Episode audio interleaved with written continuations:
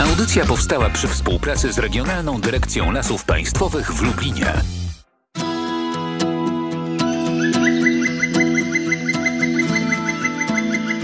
Leśne wędrowanie.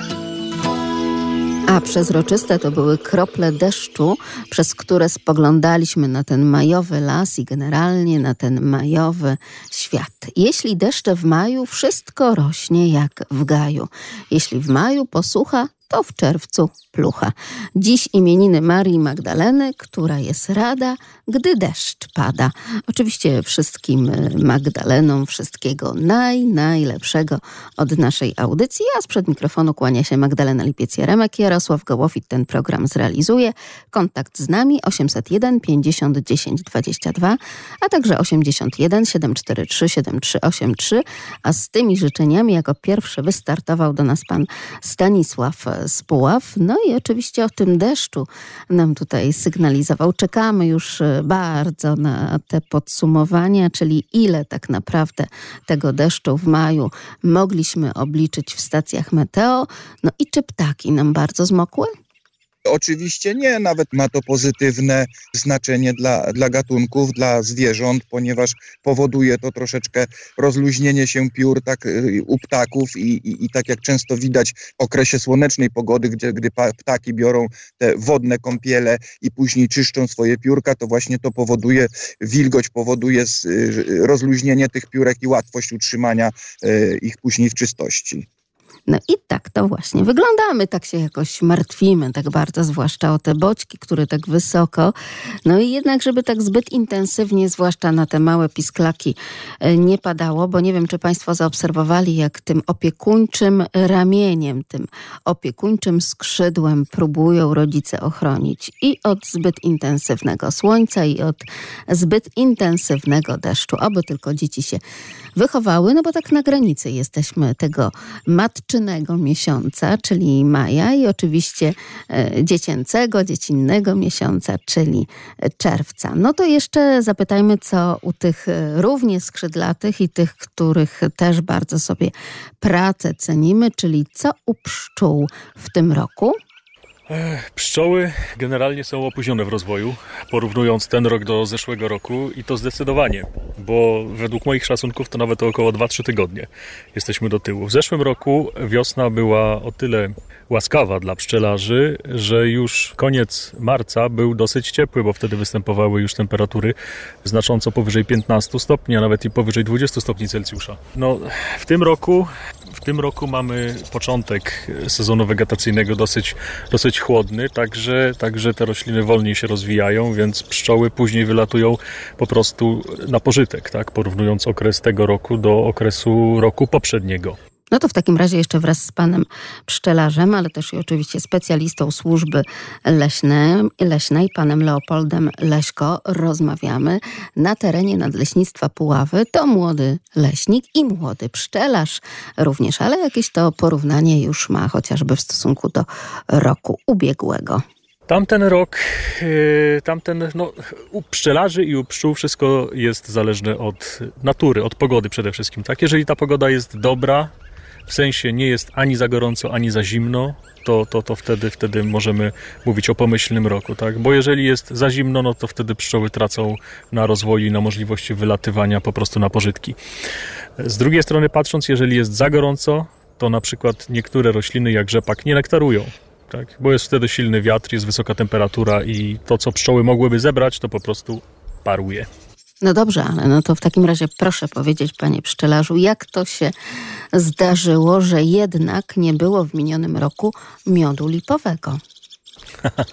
Lipa kwitła bardzo pięknie. Bardzo. Ten zapach kwiatu lipowego można było czuć wszędzie. No i pszczelarze oczekiwali, że troszeczkę tego, tego pożytku zbiorą. Sam nawet zrobiłem takie doświadczenie akurat wtedy, kiedy e, przed kwitnieniem lipy miałem w dwóch ulach puste nadstawki z nadzieją na to, że pszczoły przyniosą trochę miodu lipowego. Po powrocie okazało się, że te nadstawki są puste.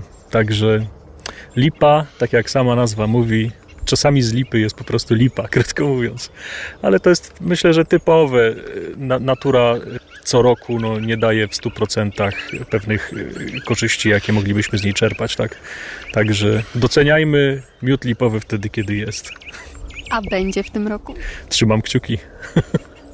Pan Leopold Leśko, specjalista służby leśnej z Nadleśnictwa Puławy i pszczelarz, tak jak Państwo słyszą, e, troszkę taki z dystansem też do swojego macierzystego ula i generalnie do pszczelarstwa. No niestety, mówi nam, że jak lipa, to i lipa może być niestety w tym słoiku z miodem, ale liczymy, że to się zmieni. Natomiast teraz podpytujemy Państwa o zupełnie inny miód, jak ulegnie krystalizacji, to jest to miód, który można kroić jak kostkę masła. Tak? Jest taki żółtawo wpadający nawet w kremową biel czasami. A kiedy chciałam poprosić pana pszczelarza, żeby jakby tutaj takie główne cechy zdrowotne opisał owego miodu, żeby troszeczkę łatwiej było radiosłuchaczom odgadnąć, o jakim miodzie mowa, no to pan pszczelarz powiada, że każdy miód jest zdrowy i działa na to, na co potrzeba i tutaj nie ma co rozdzielać. Ten miód też takowy jest, ale jaki to miód? 801 50 10 22. Przy okazji także podpytujemy Państwa, naszych radiosłuchaczy, także pszczelarzy, jak tam e, te zimowle, no i jak po tej mokrej stosunkowo właśnie pierwszej części wiosny mają się Państwa pszczoły.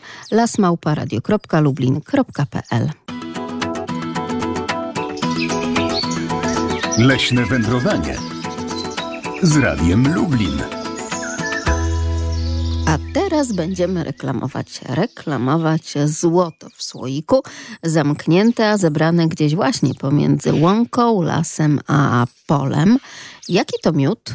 Jak ulegnie krystalizacji, to jest to miód, który można kroić jak kostkę masła. Tak? Jest taki żółtawo wpadający nawet w kremową biel czasami czyli jasna barwa, łagodny smak, ale też bardzo wyraźnie pachnie tym jednym wyjątkowym kwiatem. Ten miód ma taką kremową, miękką konsystencję, łatwą do rozsmarowania, a ze względu na dużą zawartość glukozy i innych cukrów prostych, ten miód stanowi dobrą odżywkę regeneracyjną w stanach wyczerpania organizmu, ale też przede wszystkim wzmacnia serce i zapobiega, zapobiega miażdżycy. Znam pana leśnika, pszczelarza, który właśnie jeśli chodzi o kawę, to tylko ten miód stosuje do tego, żeby dbać o własne serce. A generalnie pszczoły w lesie i taka akcja na nowo wprowadzania jakby i pszczół, ale też i kłód bartnych i tych dzikich zapylaczy do lasu, czemu służy i po co tak naprawdę tam pszczoły są potrzebne? No, zdecydowanie po to, żeby przedłużyć linię pewnych pszczół, pewnych ras, a po drugie po to, żeby zwiększyć ilość zapylaczy, tak? Których, e, no nie oszukujmy się, wydaje mi się, że jest coraz mniej, tak? Przede wszystkim w związku z tym, że mamy to zmechanizowane, schemizowane rolnictwo. Tutaj to wszystko zależy od właśnie osób, które takie opryski wykonują. Jeżeli te opryski wykonywane są o odpowiedniej porze, czyli w godzinach wieczornych, wtedy ta pszczoła już nie lata, więc jest bezpieczna. No jeżeli te opryski są wykonywane w godzinach południowych lub troszeczkę późniejszych lub wcześniejszych, no wtedy możemy zauważyć chociażby idąc do ula, jak ta pszczoła po prostu no, leży przed tym, przed tym ulem, tak. Dla pszczół ważny jest, ważna jest ciągłość pożytków, tak? Po prostu kwitnienie jednych roślin i następujących kolejno po sobie drugich. Dzięki temu te rodziny mogą e, rozwijać się, powiększać, e, po, powiększać się przede wszystkim i przeżyć, tak? Dlatego ta różnorodność, jeżeli chodzi o oprawy, jest wskazana i dlatego wydaje mi się coraz więcej jest akcji nakierunkowanych e, w tą stronę, tak? No a niestety, mówię tak troszkę z żalem niestety, choć wiem, że te krajobrazy jednolicie żółte szalenie się Państwu podobają, e, ale tutaj proszę zwrócić uwagę i o tym troszeczkę dłużej sobie porozmawiamy z panem Leopoldem Leśko, specjalistą służby leśnej i pszczelarzem, czy takie monokultury, jakie teraz wiosną widzimy, specjalnie celowo nie używam nazwy tegoż kwitnienia, które rozlało się dosłownie dosłownie po całej Polsce, no bo właśnie o ten miód nam chodzi. Już tak konkretniej podpowiemy. Nie jest to miód akacjowy. A jaki? Jak ulegnie krystalizacji, to jest to miód, który można kroić jak kostkę masła. Tak? Jest taki żółtawo wpadający nawet w kremową biel czasami. Jaki to może być miód? Halo, halo, dzień dobry. O, rzepakowy się kłania, tak? To jest bardzo dobra odpowiedź. Dzień dobry, pani Renato. Dzień dobry, witam serdecznie wszystkich słuchaczy. Panią redaktor w dniu jej święta. Bardzo dziękuję. No i po- podziwialiśmy ostatnio właśnie piękne łany rzepaku, który w tym roku z opóźnieniem. E, No ale rzeczywiście piękne i bardzo pachnące, jeśli bliżej się udało gdzieś tam podejść. To prawda. Oby tylko nie wydeptać tym y, rolnikom, no bo wszystkie gwiazdy i gwiazdki y, różnego rodzaju portali społecznościowych i Instagrama próbują sobie robić w morzu rzepaku zdjęcia, no i potem denerwują się rolnicy, denerwują, ale warto skorzystać z tak zwanych linii tych produkcyjnych, technologicznych i tam e, wejść i nic takiego się e, oczywiście nie dzieje. Tak, zarzuciło nam się w Polsce i to dosłownie, chyba jeszcze więcej tego rzepaku jest niż rok czy dwa lata temu. Generalnie to cieszy pszczelarzy, bo będzie ten miód rzepakowy, ale tak jak jeszcze z wieloma leśnikami, pszczelarzami będziemy za chwilkę rozmawiać, no y, wszystko fajnie, tylko żeby potem coś jeszcze po tym rzepaku nastąpiło, prawda? No bo teraz mamy mm, ten pożytek wyjątkowo bujnie y, rozkwitły, no i jest go całkiem sporo, ale skończy się rzepak, wysypie się i co dalej, prawda? Oby tak było. Po kolei powinny być wszystkie, prawda? Ze dwóch rodzajów kwitnących drzew, e, kwiatów drzew właśnie.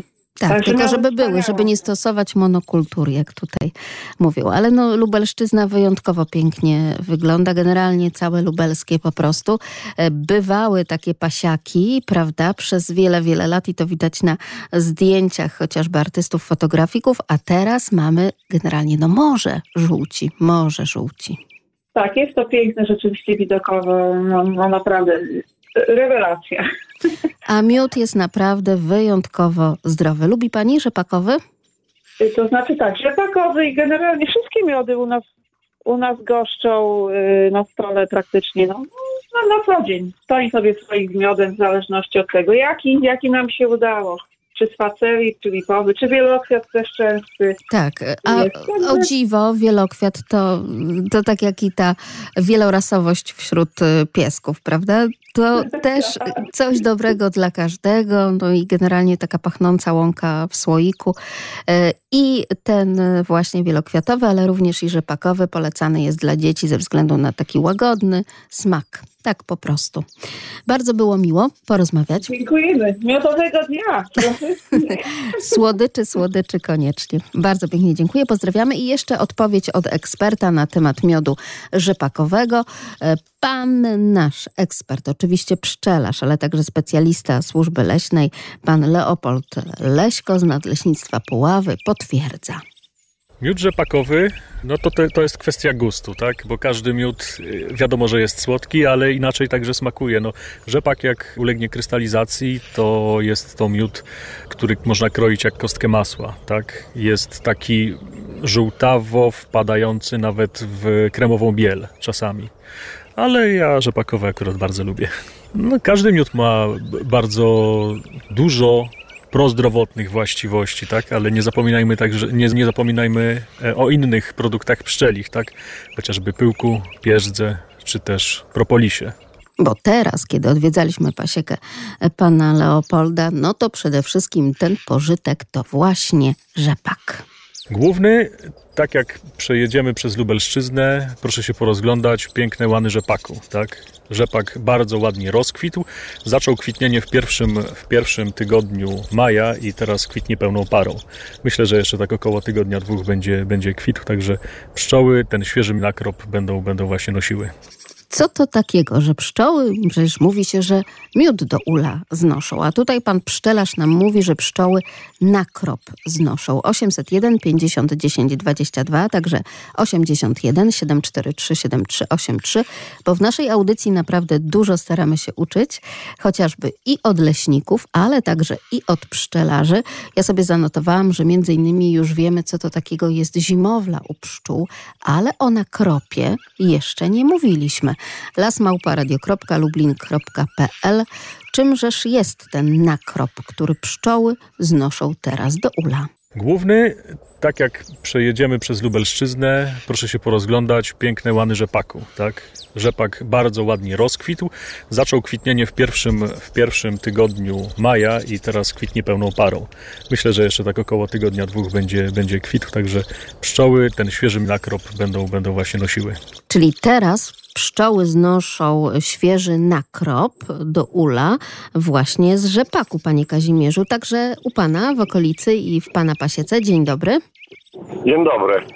Oczywiście z niektórych rzepaków noszę, a z niektórych nie, bo są takie odmiany, że tam pszczoły nie zobaczymy. Są to jakieś tam odmiany, nie wiem, hybrydy, jak to się tam fachowo nazywa, ale y, są hektary te, tego rzepaku, ale tam pszczoły nie zobaczymy. A to bardzo ciekawe, o czym pan mówi. Czyli jednak ta, to współczesne przez człowieka jakby ulepszanie, żeby jak najlepszy, na przykład ten olej, tak, potem już z tej odmiany był, no niestety sprawia, że to są odmiany, które nie nektarują, tak? Nie wiem, co to się dzieje, no ale tam pszczoły nie zobaczymy, bo ja takim rolikiem nie jestem dokładny. Yy, jeszcze wracając do tego, jeszcze mam, mam taką uwagę, bo ja już na przykład parę razy złożyłem meldunek na policję, bo moja praca jest taka, że ja się przemieszczam i tutaj po Lubelszczyźnie.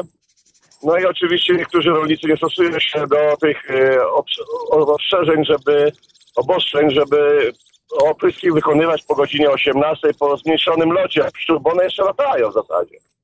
No i zdarzyło mi się dwa razy już, no niestety, no nie bójmy się tego, bo jednak to jest e, dla naszego dobra, jak powiedzmy. Tak Oczywiście, że tak. Nie tylko dla miodu. Ja jestem w drodze, ale i, i rozmawiam jednocześnie. Y, Rozumiem, ale wierzymy, panie Kazimierzu, że wszystko jest y, bezpiecznie. Bardzo dziękuję, że pan zwrócił na to uwagę. Też oczywiście będziemy o tym mówić jak najbardziej. To jest bardzo ważna, jak nie podstawowa teraz y, kwestia, bo tutaj chodzi tak naprawdę nie tylko o życie pszczół, nie tylko o ten miód, ale o to, żebyśmy no, mieli też co na tę kanapkę położyć, prawda? No zgadza się. Ja powiem jeszcze jedną rzecz tak krótko. Kiedyś powiedziałem jednemu e, tutaj gospodarzowi, że no nie będziesz miał marchewki, jak ci pszczoły nie zapyli. A on mówi, z, jak, z jakiej racji? Mówię, Przecież marchewka od razu rośnie, to żadnego kwiatu nie ma. No ale nasiona skądś, ci co e, mają plantację e, marchwi i nasiona później pozyskują, to wiedzą jak to jest. Ale my kupujemy gotowe nasionka, jak siejemy i mamy marchewkę. I tak to właśnie. Pozdrawiam wszystkich radiosłuchaczy. My też pozdrawiamy pana i pana Pasieka, ale niech pan jeszcze wytłumaczy słuchaczom ten nakrop. Cóż to takiego jest? A nakrop to jest y, nektar z kwiatów, które pszczoły zbierają, przynoszą do komórek z wólu, do tych plastrów i później on odparowuje przez ich pracę i mamy miód. Tak jest, czyli to jeszcze nie jest miód, ale miodem się stanie, prawda? No tak jest. No.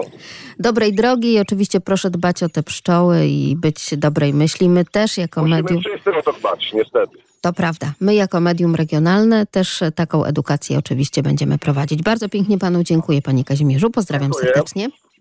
Dziękuję pięknie, do usłyszenia. I oczywiście potwierdzenie także od naszego leśnika pszczelarza. Tak, nakrop. Nakrop w nomenklaturze pszczelarskiej to jest ten jeszcze nieodparowany, nieodparowany miód, tak? Jeżeli byśmy wzięli taką małą ramkę nadstawkową na przykład i spróbowalibyśmy ją trząchnąć kilkukrotnie, to wtedy, wtedy po prostu ten miód jeszcze nieodparowany wylewa się, a to oznacza, że on jest niedojrzały, więc pszczelarz nie powinien go jeszcze pozyskiwać. Drodzy Państwo, i od pszczół całkiem blisko nam do takiego gatunku ptaka, który nazywany jest pszczołojadem. Ale jaką jeszcze nazwę nosi?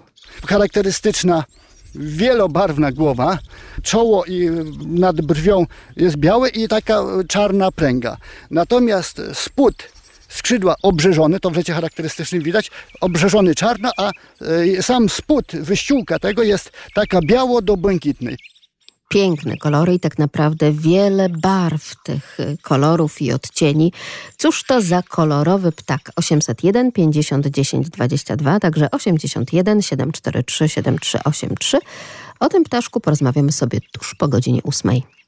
Audycja powstała przy współpracy z Regionalną Dyrekcją Lasów Państwowych w Lublinie.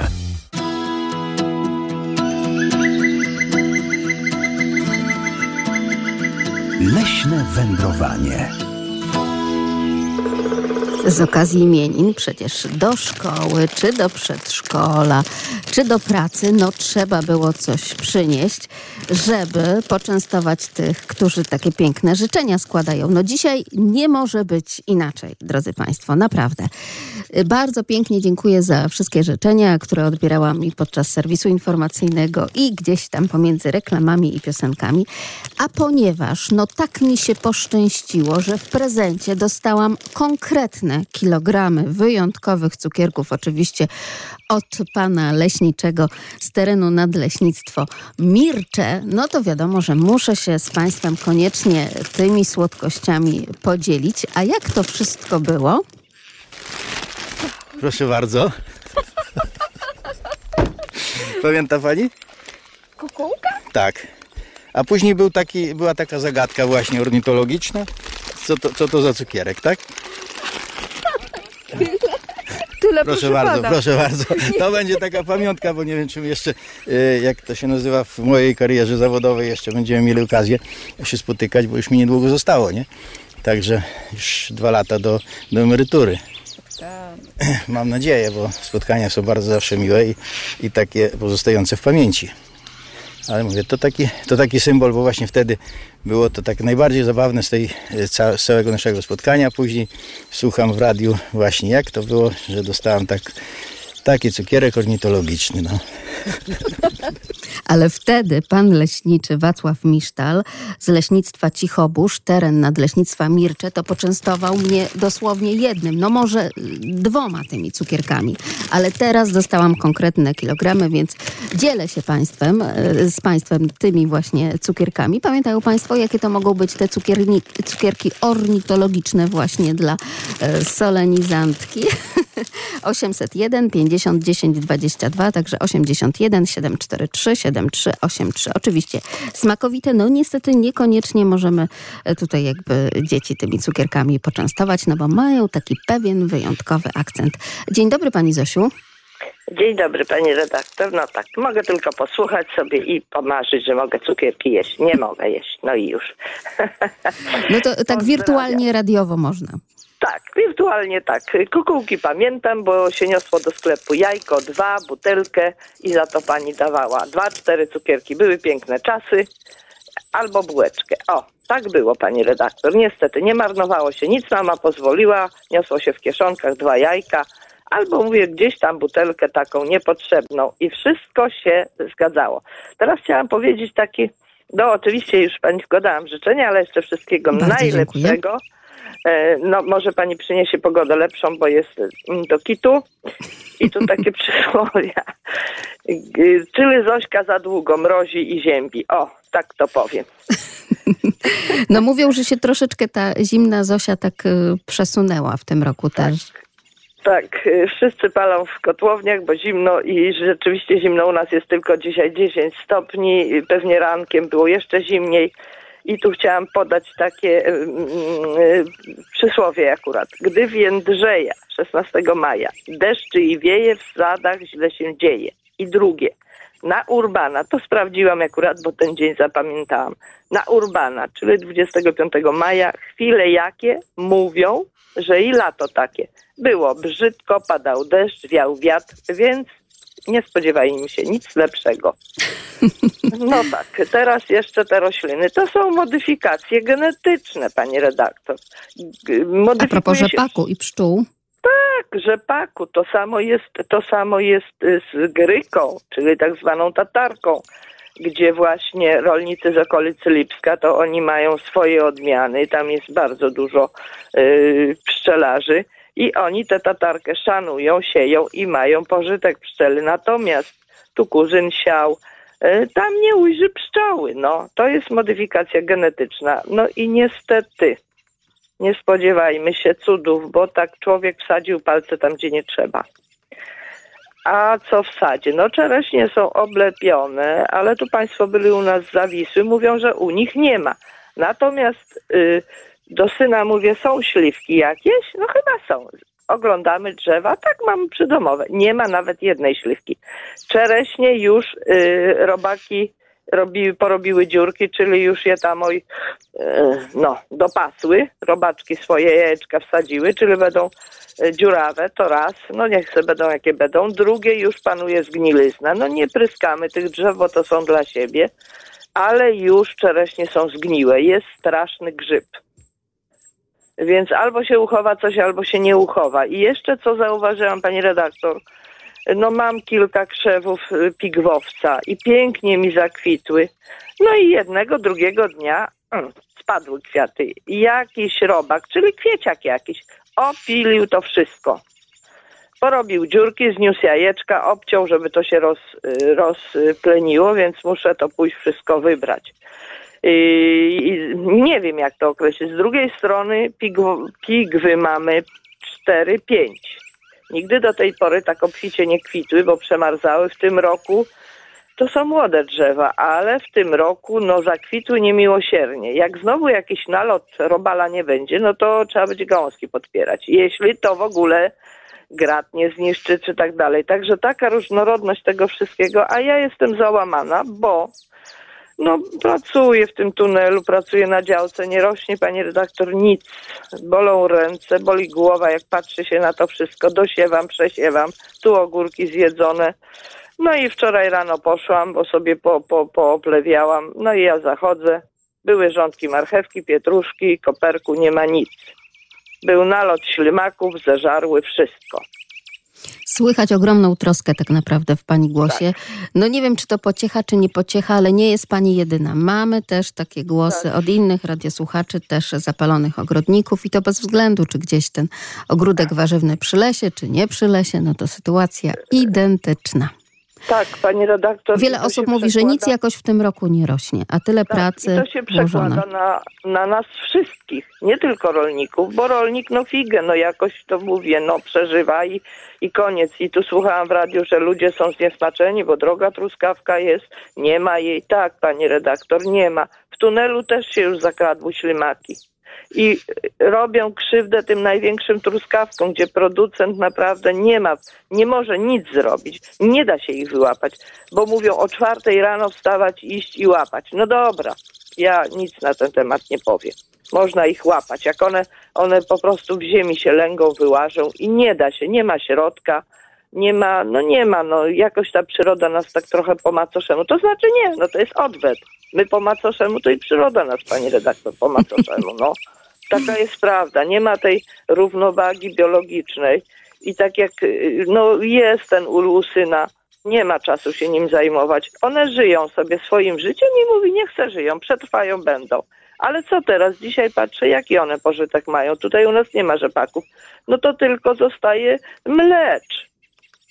I nic poza tym, no nic poza tym jak na razie. Mówię, te drzewa przekwitły, co tam sobie zebrały, no to zebrały, latają. E, No ale ile ich tam nie zagląda syn nawet w tej chwili, bo nie ma. I pytam tutaj wczoraj pana, jak truskawki w polu, no bo, bo tu ludzie mają u nas, mówi, o jeszcze dobre dwa tygodnie, zanim się coś zacznie w polu. W takim razie czekamy. Może przyjdzie słońce, No, może troszkę nam się to wszystko odmieni. Pozdrawiam. Pozdrawiamy Jak serdecznie. ktoś ma sposób na ślimaki, to niech mi powie. Wszystko stosowałam. Mleko w butelce, bo mi kapustę zjadły. Yy, piwo na spodeczku. Eee, tam pani redaktor. Ja jestem durna, a one są mądre i to wszystko. Pozdrawiam wszystkich. I, Pozdrawiamy i serdecznie. Pogody, no ja na te moje kości, ja leżę w tej chwili w łóżku, bo, bo po prostu źle się czuję. No i koniec, no czeka mnie następna operacja, więc nic to takiego, dlatego nie dzwoniłam, tak, bo byłam Pani Zofio, niech się pani trzyma, proszę się nie załamywać, jesteśmy z panią, proszę nam tutaj nie chorować i ciągle być z nami w kontakcie. Z nami w kontakcie też Pozdrawiam pozdrawiamy. Trochę nakminiłam, tak nie, nie tego, ale, ale też wypragnęła tego słonka. No, o, tak powiem. To i zdrowie się polepszy. Wszystkiego Tak. dobrego. Z nami także jest pan Andrzej. Dzień dobry. Dzień dobry pani redaktor. I na wstępie od razu rewelacyjną propozycję dla samopoczucia pani Zosi.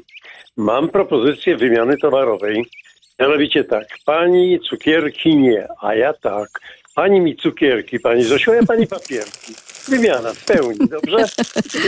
Tak, No szeleszczą, szeleszczą, bo jest czym szeleścić dosłownie kilogramy, kilogramy tych y, słodyczy, ale wiadomo, że leśnicy mają gest i to nawet, nawet tutaj y, widać na tym przykładzie. Co więcej u pana, panie Andrzeju? Wszystko w porządku, nawet y, żołny się nieźle czują, jako że pytanie było, zapomnieliśmy sobie troszkę o nim. Y, no te, te, te, te ptaszki, prawda, te hmm, pszczołojady. Zresztą Tak. żołny, te żołny nie wszystkie jedzą, ale są też żołny pszczelarze tak zwane. Tak dla ciekawości może króciutko, to jest dość duży ptak. Nawet do 30 centymetrów dochodzi, ale jest najbarwniejszy chyba z ptaków, które udało się zauważyć. No przecież on tam y, ma na, no takie powiedzmy sobie na wierzchu brąz, potem te żółte, zielono-niebieskie kolory. Spód ciała to jest taki no błękitnawy, lazurowy. No a ciekawostką jest, że jak leci to żółte gardło przebija. Także to, to, to takie No ciekawe. mówią, że tak, y, jeśli chodzi o te kolory, prawda, ptaków występujących w Polsce, no to rzeczywiście kraska może mu troszeczkę tutaj ustępuje Tak. kroku, y, której też swoją drogą bardzo, bardzo mało, ale ja nigdy wcześniej, tak jak teraz na terenie Nadleśnictwa Mircze, nie widziałam tak, y, takiej ilości żołny po prostu. Proszę sobie wyobrazić, że kiedy wjeżdżaliśmy w to miejsce, gdzie ona aktualnie żyje, przebywa i po prostu dokarmia młode, to tak jakby się wjeżdżało do jakiejś papugarni, bo to wszystko przy drodze i zupełnie przejeżdżające auta nie przeszkadzają i to właśnie najlepiej z auta było te ptaki obserwować. Tylko panie redaktor, jeszcze jedna rzecz jest taka ciekawa, jeżeli chodzi o te żołny. Nie wszyscy wiemy, Mhm. bo one uwielbiają takie tereny, gdzie jest skarpa, kawałeczek skały, zasłaniające inne i drążą sobie tunele. Nie gniazda na drzewach, tylko tunele. Nawet do dwóch metrów dochodzą te tunele, a na końcu jest to gniazdo właściwe, takie lęgowe, prawda? Także bardzo ciekawe, a poza tym to zbójnicy niesamowici, bo tak na najwyższy gdzieś tam się umieszczą szczyt, czy drzewa, czy, czy skałki i no sokolim wzrokiem, żołnowym wzrokiem penetrują. Jak tylko coś zobaczą w locie, błyskawicznie potrafią się zjawić, są szybkie, zwinne, no i pszczoła pada ofiarą takiego typa.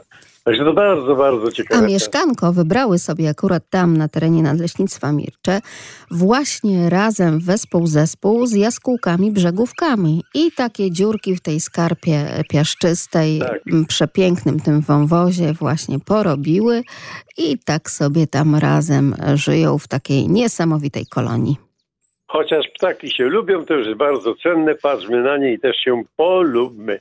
Panie redaktor, y, tak przy okazji może króciuteńko, bo spotkałem się z takim pytaniem, y, tablice takie, nawet jadąc tutaj w kierunku Lubartowa, mm, no pomór amerykański, prawda, teren zapowietrzony i to Mhm. niektórzy ludzie mają, że tak powiem, potężne uczucie strachu, co to jest, jak to jest, a może tak króciutko.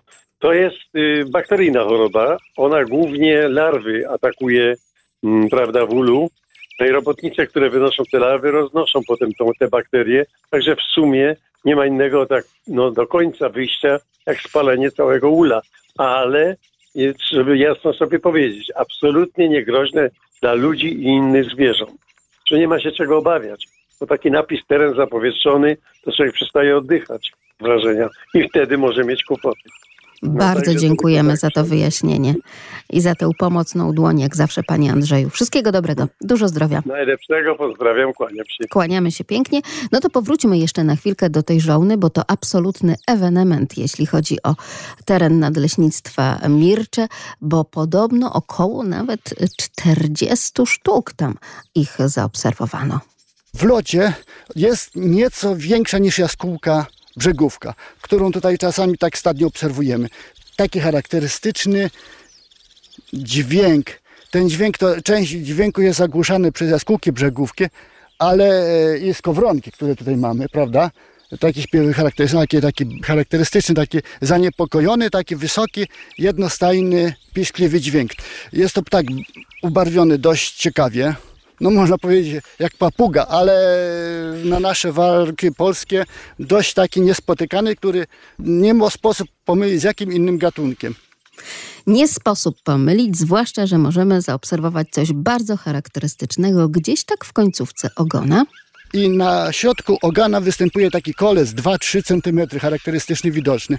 Jak widzimy taki kolec na środku u ptaka takiej średniej wielkości, a nie wiemy dlaczego. Może stabilizuje lot, tak jak się tutaj przyglądamy, to są pióra.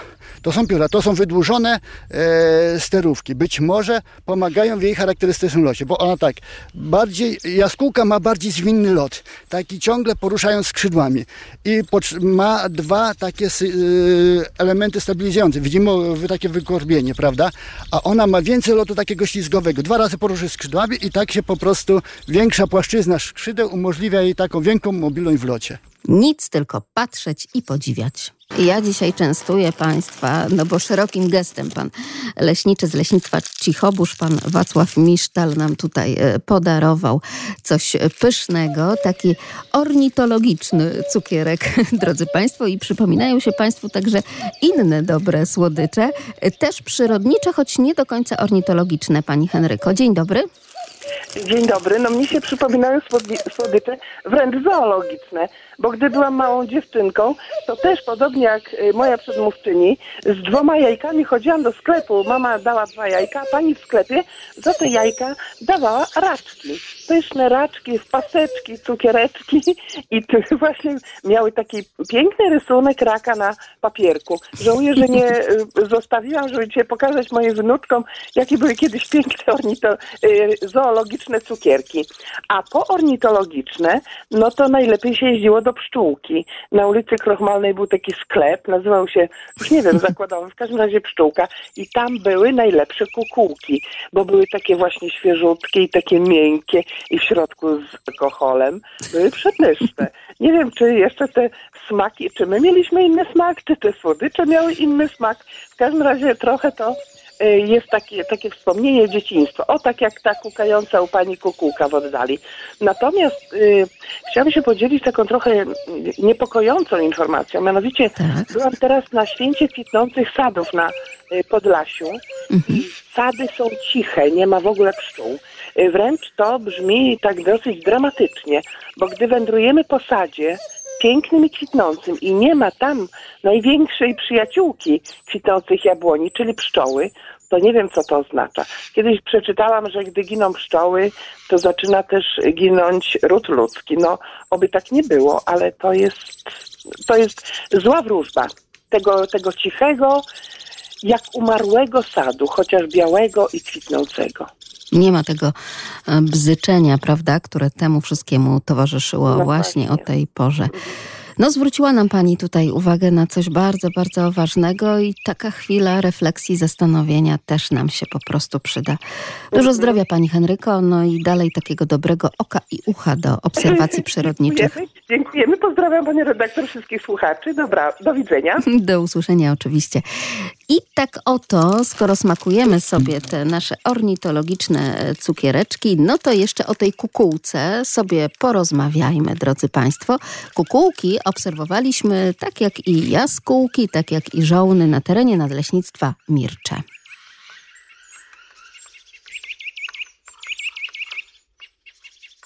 Trzyma się takich miejsc swoich, powiedzmy, no jest ptakiem wyraźnie terytorialnym. No mówi się o podrzucaniu, rzeczywiście podrzuca jajka do innych mm, e, gniazd, innych piskląt.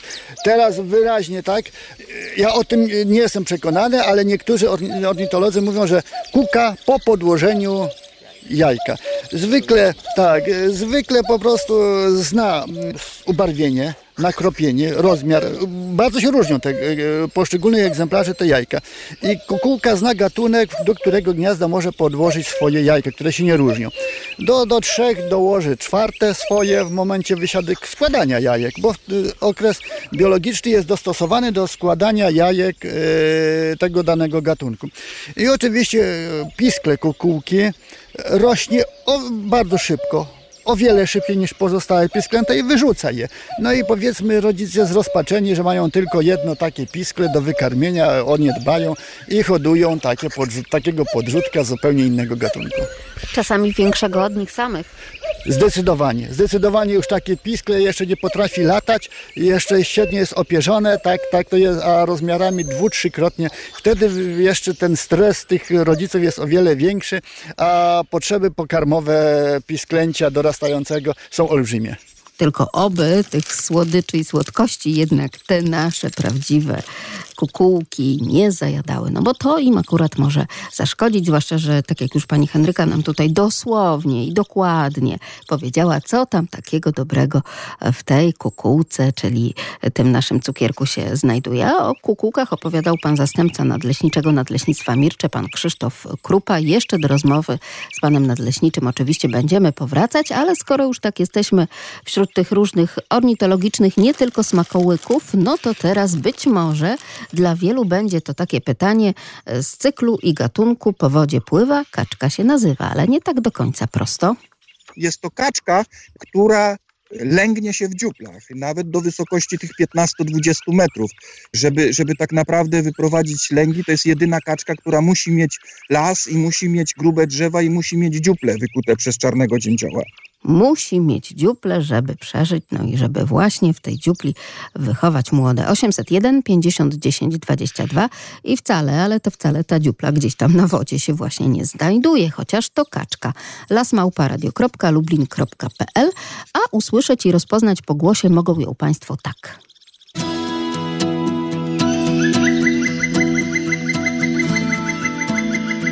Leśne wędrowanie.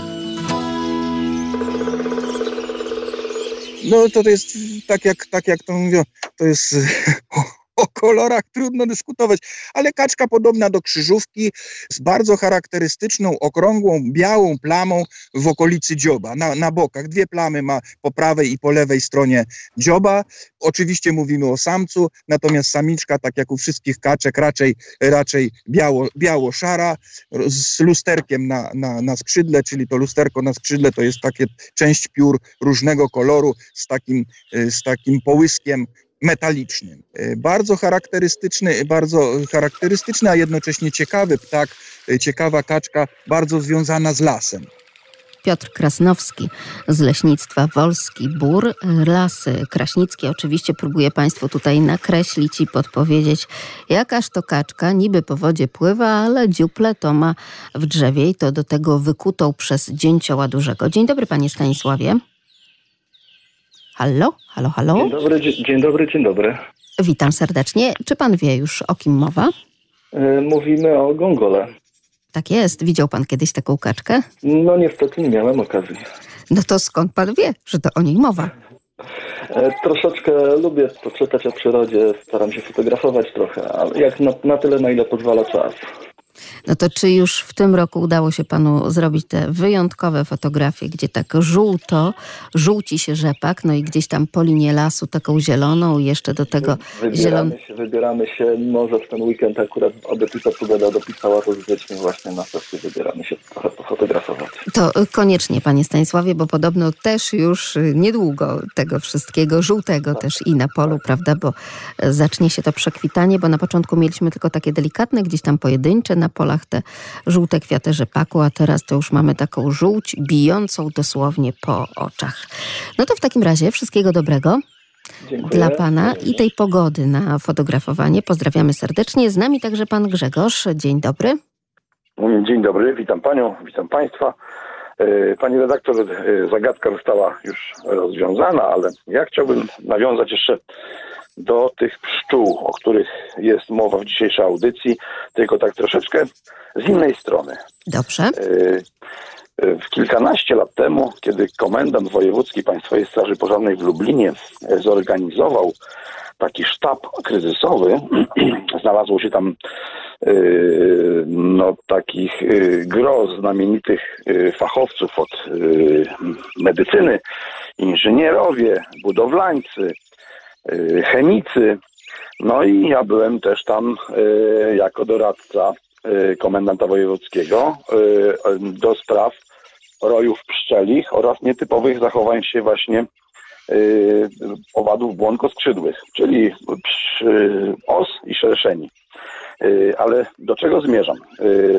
Po, po, w, pe, w pewnym czasie Straż Pożarna przejęła właśnie takie też nie tylko funkcje yy, gaszenie, ale yy, zajmowała się też i do tej pory strażacy zajmują się owadami, które na przykład się gdzieś tam zroją, czy trzeba usunąć jakieś osy, czy szerszenie, ale właśnie po co powstał taki sztab kryzysowy?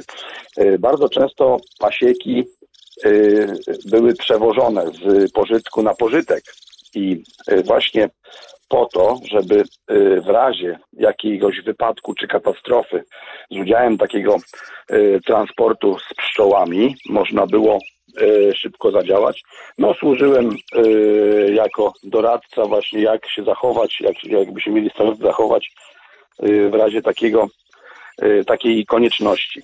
No i teraz tak, na każdym samochodzie strażacy, znaczy nie na każdym, bo to akurat y, tak jest rozwiązane, że y, tych y, y, pszczelarskich y, rzeczy się nie wozi cały czas y, z tymi samochodami, bo te samochody i tak są załadowane różnymi y, innymi y, rzeczami, nie tylko wężami, ale są takie skrzynie w komendach, y, gdzie są złożone ubrania pszczelarskie i inne akcesoria, rękawice, podkurzacze, y, i właśnie w, w razie jakiegoś takiej nietypowego zachowania się, czyli no, wyrojenia się pszczół, czy gdzieś tam ktoś y, zgłasza, że akurat osiedliły się na jego gdzieś poddaszu, to strażacy jadą i y, ubierają się i właśnie są y, po dwa takie y, komplety ubrań, bo strażak strażaka musi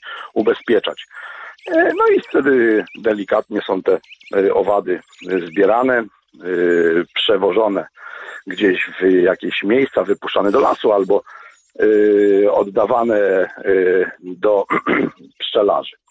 No i jeszcze taką y, ciekawostkę y, o, te, o pszczołach.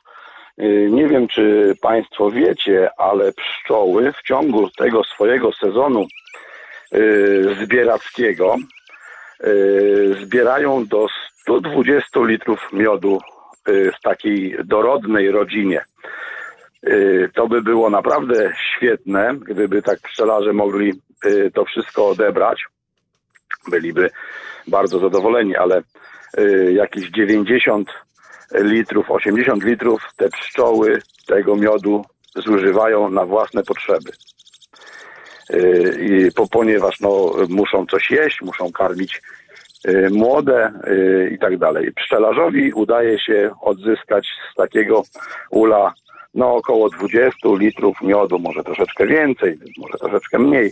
Także y, tyle ty, te, tego miodu te pszczoły właśnie znoszą. Ale nie mówimy tego z żalem. My to jakby wiemy, rozumiemy, prawda? I tutaj Nie, przecież one na siebie pracują i przy okazji też trochę na nas. Tak, i tu jeszcze y, y, takie właśnie nawiązanie do tej żołny i pszczoły.